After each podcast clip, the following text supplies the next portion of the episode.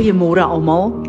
Ag vir my is dit altyd so 'n uh, 'n uh, gemis as ek op 'n donderdagoggend uh nie persoonlik saam met julle bymekaar kan kom nie en ek besef dit is ehm um, my lewe en julle is my familie en die liggaam van Christus is die plek waar ek wil wees, waar ek wil lewe en waar ek wil funksioneer. So ek groet julle vanoggend vanuit 'n lekker yskoue uh Botawil en ek kyk na die breek van die dag wat altyd vir my so 'n uh, 'n uh, voorreg is om te weet hierdie dag het God gemaak vir elkeen van ons om nog 'n lewensdag by ons lewe te kom voeg. Ek wil veraloggend met julle praat. Ek het iets gelees van Francis van Japan uh wat een van my uh geliefde uh mentors is en ehm um, sommer net 'n bietjie hier en daar geluister en ek besef dat 'n plek waar uh, ek elke dag moet wees is op hierdie altaar wat God vir ons gegee het om my vlees mee te deel. Ek het hierdie afgelope week het iemand vir my gesê, ehm uh, hulle sien die vrug van die Heilige Gees in my lewe wat geduld betref. En uh, ek het so 'n bietjie daaroor gedink en gedink, Here, dankie dat mense in my u sien want dit is nie Fransie van Wyk waarna hulle kyk nie dis u wat hulle sien. En dankie dat ek kan rejoice dat ek 'n eh, goed van u reflekteer deur my lewe. Net om die volgende dag met daai selfde vrug gekonfronteer te word en te besef nee wat nee wat ons het 'n altaar wat ons daagliks toe na moet gaan en uh, Hebreërs 12 vers 29 sê my God is a consuming fire. En ons ken so skri, uh, die skrif in Romeine 1 vers 12 wat sê die Here wil hê ons moet daagliks 'n lewende offer wees wat op sy altaar klim sodat sy vuur, hierdie vuur wat hy is, ons vlees kan verbrand want God se vuur kan net reinig en heilig wat van hom af is maar verbrand ons vlees en ons verkeerde gesindhede daai plekke waar uh, ons daagliks ons vlees ons persoonlikheid ons drome ons visie ons begeertes na hom toe moet bring dat hy dit kan suiwer en kan reinig en kan heilig. Uh dis so interessant as ons kyk na die Ou Testament waar daar vyf verskillende offers was wat met verskillende geleenthede en verskillende feeste voor God gebring moet word deur die priesters waar die volk gekom het en hierdie offers ehm uh, vir God kom gee het. Maar een van die offers wat elke dag moes gebeur, was die burnt offering. Nou hierdie burnt offering wat elke dag moet gebeur, is letterlik die plek waar ek en jy voor God kom met wie ons is en onsself totaal oorgee aan God. Nou as ons nou kyk na hierdie daaglikse offer, dan kyk ons na Filippense 12 uh, 2 Filippense uh, uh 2 vers 12 waar daar staan ons moet daagliks ons redding uitwerk met angs en bewering. Daar's 'n daaglikse plek waar ek en jy ons vlees voor God moet bring sodat hy ons kan reinig en heilig, maar dat hy ook kan al hierdie versoekinge wat oor ons pad kom, al hierdie onvergewensgesindheid waarmee ons gekonfronteer word, al hierdie verkeerde vleeslike uh patrone in ons lewe. Wanneer ons daagliks hierdie hierdie uh oorgee vir hom gee op sy altaar, dan is dit hierdie goed wat hy met ons deel. En ek weet nie van julle nie, maar ek het 'n daaglikse reiniging en 'n vuur van God nodig om my op 'n plek te bring waar ek my totaal oorgee aan God.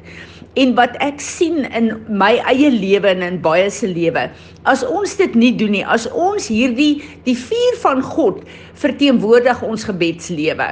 As ons hierdie vuur nie daagliks laat brand in ons lewe nie, dan koel dit baie gou af en dit raak kole. En uh, wanneer jy 'n dag of 3 nie na die Here toe gaan nie, nie bid nie, nie jouself vir hom gee nie, dan is dit asof wat die verkeerde patrone in ons lewe regtig waar net ingang vind en deel raak weer van ons karakter en ek uh, het die vuur van God nodig om daagliks te kom om daarmee te deel. Paulus uh, uh, sê vir ons so duidelik uh, in die skrif dat ek dit net gou vir ons skry. Dis vir my so um, wonderlik as ek dink aan Paulus wat ons wat ons het as 'n voorbeeld in uh 1 Korintiërs 15 vers 30 tot uh, 31 sê Paulus Why do I live dangerously as I do running such risk that I am? In peril every hour. I assure you by the pride which I have in you in your fellowship and union with Christ Jesus our Lord that I die die daily. I I face death every day and die to self. Hierdie is so belangrik dat ons sal sal sterf en uh, al daai areas in ons lewe wat ons nie onder die heerskappy van die Here hou nie, wat vir ons te lekker is, wat vir ons wat ons dink ons kan self hierdie goeders hanteer waar ek net nog 'n bietjie iemand 'n punt of twee wil wys voordat ek regtig waar oorgee en vergewe en 'n uh, uh, wandel soos wat God wil hê ek moet wandel en ek wil net 'n bietjie myself laat geld. Al daai plekke. Paulus het gesê, I die daily to self. En ons moet weet dat uh, ons het hierdie hele ding dat ons uh uh so rejoice in die oorwinning van die kruis van Golgotha. En dit is iets om in te rejoice want daardie oorwinning wat hy behaal het is vir my en jou toeganklik. En dit kan in ons lewe manifesteer. Maar ons roem daarin dat ons saam met hom wil regeer dat ons saam met hom wil oorwin. Maar ons wil nie saam met hom deur die suffering gaan So ons wil nie 'n burnt offering wees nie. Ons wil nie toelaat dat die Here ons vlees totaal uh vernietig en deel mee sodat ons in sy oorwinning kan kan wandel.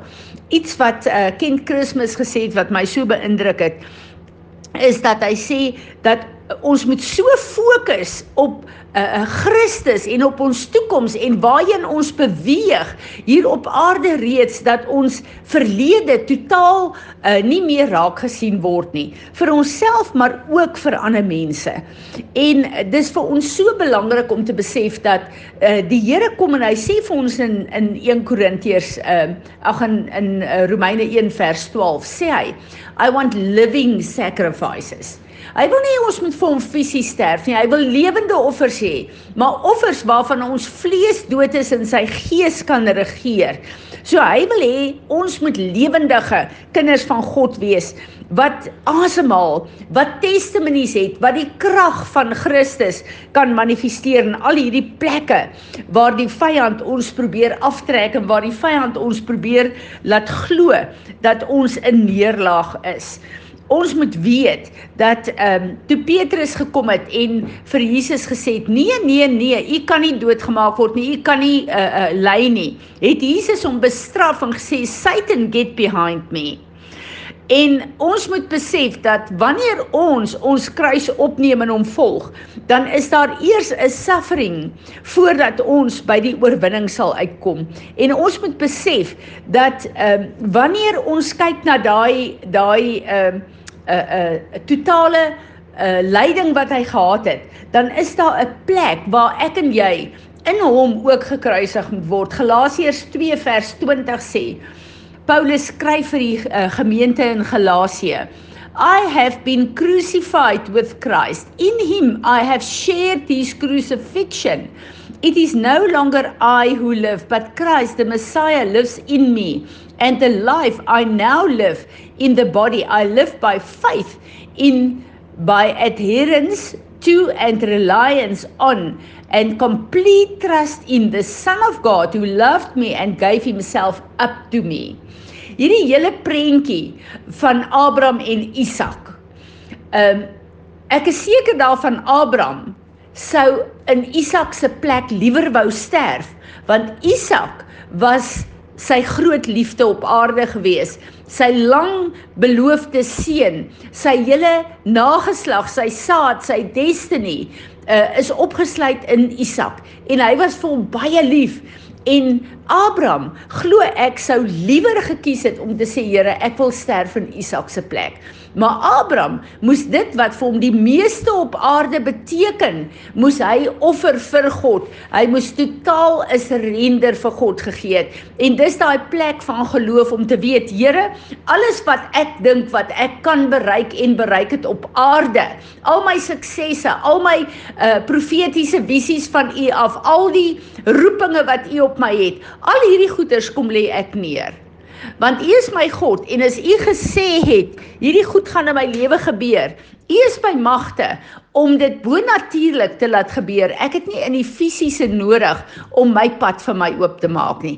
Dis die plek waar Abraham was. Ek en jy het soveel plekke in ons lewe waar ons kom en sê, Here, Hierdie uh, goed in my lewe is maklik. Ek gee dit oor vir u. Maar hier is sekere goed in my lewe wat vir my te kosbaar is wat ek nie vir u wil gee nie. En hier is geheime kamers in my hart waar ek uh, nog sekere goed van my ou natuur geniet en ek wil nie regtig waar dit vir u oopmaak nie want ek dink dit is darmie so erg nie so al daai plekke waar ek en jy nog steeds 'n behoud het op sekere goed in ons lewe waar ons nog steeds kom en sê Here, hierdie goed sal ek later mee deel of ek is nog nie gereed nie. Ons is op 'n plek as die remnant van Christus. Ons is op 'n plek waar ons moet kom en sê Here, my alles, my alles. Ek gee alles. Ek lê my man, ek lê my kinders, ek lê my vrou, ek lê my besittings my loopbaan, my werk, alles wat vir my kosbaar is, kom gee ek vir u. En ek wil sê, u kan kom en die werk in en deur elkeen van hulle doen volgens u perfekte wil. Ek gaan nie meer terughou nie. En hierdie is so 'n moeilike plek julle. As ek kyk na die lewe van Paulus. Paulus het hierdie fenominale roeping van God op sy lewe gehad. Maar toe laat die Here toe dat hy in die tronk kom. In haglike omstandighede in die fisiese haglike omstandighede om koud te wees, om honger te wees, om nat te wees, om uh, tussen hierdie verskriklike stank te lewe. Om uh, dit is haglike toestande. Jy kan maar gaan Google en kyk. In daai plek het hy homself so oorgegee vir God dat hy kon kon lofprysing doen, dat hy kon bid, dat die vuur op sy altaar so kon brand dat hy al hierdie briewe geskryf het vir hierdie gemeentes van hoe God goed eh, hoe goed God is en hoe goed dit met hom gaan omdat hy gered is en hy kon letterlik 2/3 van die uh, Nuwe Testament vir ons skryf vanuit daai plek waar hy moes suffer want die glorie van God het deurgebreek. Kom ons sê vir die Here met 'n boldness. Ek lê opnuut my alles elke dag op u altaar. En kom ons hou hierdie vuur brandend elke dag. Want net soos ek het julle elke dag goed wat ons wil terughou en wat ons nie regtig mee wil deel nie. En hy soek ons alles. Hy is ons alles werd want hy het sy alles vir ons gegee. Kom ons bid. Vader, die grootste bundoffering wat U vir ons gegee het, is Jesus. Dankie, dankie, dankie daarvoor. Ons kom vandag en ons wil soos Filippense 2 vers 12 sê, elke dag ons redding uitwerk. Daarom kom plaas ons onsself as lewende offers op u altaar. Vergewe ons dat ons soveel wil terughou. Vergewe ons dat ons in die kerk sal staan en sê my alles, maar as ons daar uitstap, hou ons terug. Vergewe ons, Here. En ons wil ver oggend ons alles op u altaar kom lê. Kom met u vuur en kom brand. Kom brand, vernietig ons vlees maar heilig en reinig ons as die lewende offers wat u glorie kan verkondig deur ons lewens hier op aarde. Here Jesus, aan u kom toe al die eer, die lof en die aanbidding van ons harte. Word verheerlik deur hierdie lewende offer in hierdie dag. Amen.